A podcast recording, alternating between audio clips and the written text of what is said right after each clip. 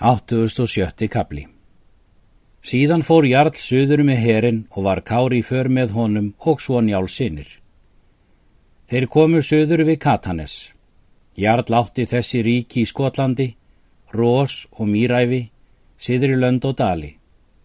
Komu þar að móti þeim menn af þeim ríkjum og sögða Jarlar voru þaðan skant í braud með her mikinn. Þá snýr Sigurður Jarl þangað herinum og heitir þar Dungalsknýpa er fundurinn var fyrir ofan. Laust þegar í bardaga mikinn með þeim.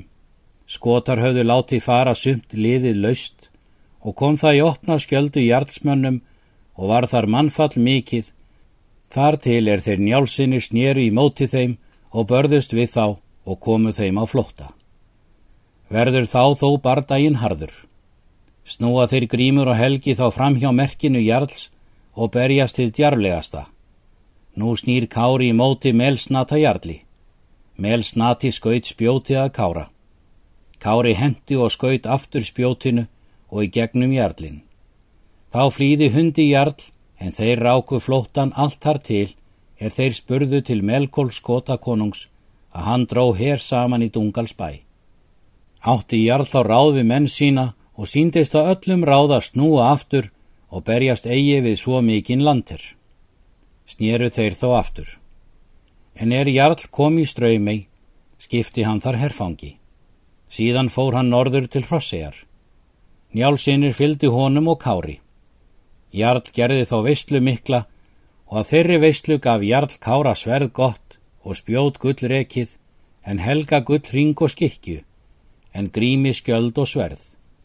Eftir það gerði hann þá hyrðmenn sína Grím og Helga og þakkaði þeim framgöngu góða. Þeir voru með jarli þann vetur og um sumarið þar til er Kári fór í hernað. Þeir fóru með honum. Þeir herjuðu víða um sumarið og fengu hver vetna sigur. Þeir börðust við Guðröð konungur mön og sigruðu hann og fóru við það aftur og hafðu fengið mikið fjö. Voru þeir með jarlum veturinn og sátu þar í góðu yfirlæti. Um vorið beitust þeir njálsinir að fara til Noregs. Jarl mælti að þeir skildu fara sem þeim líkaði og fekk þeim gott skip og röskva menn. Kári sagði þeim að hann myndi þetta sumar koma til Noregs með skatta hákunar Jarls og muni við þá þar finnast, segir Kári, og á það sammæltust þeir að finnast þar. Síðan letu þeir njálsinir út og sildu til Noregs og komu norður við þránteim, dveldust þeir þar.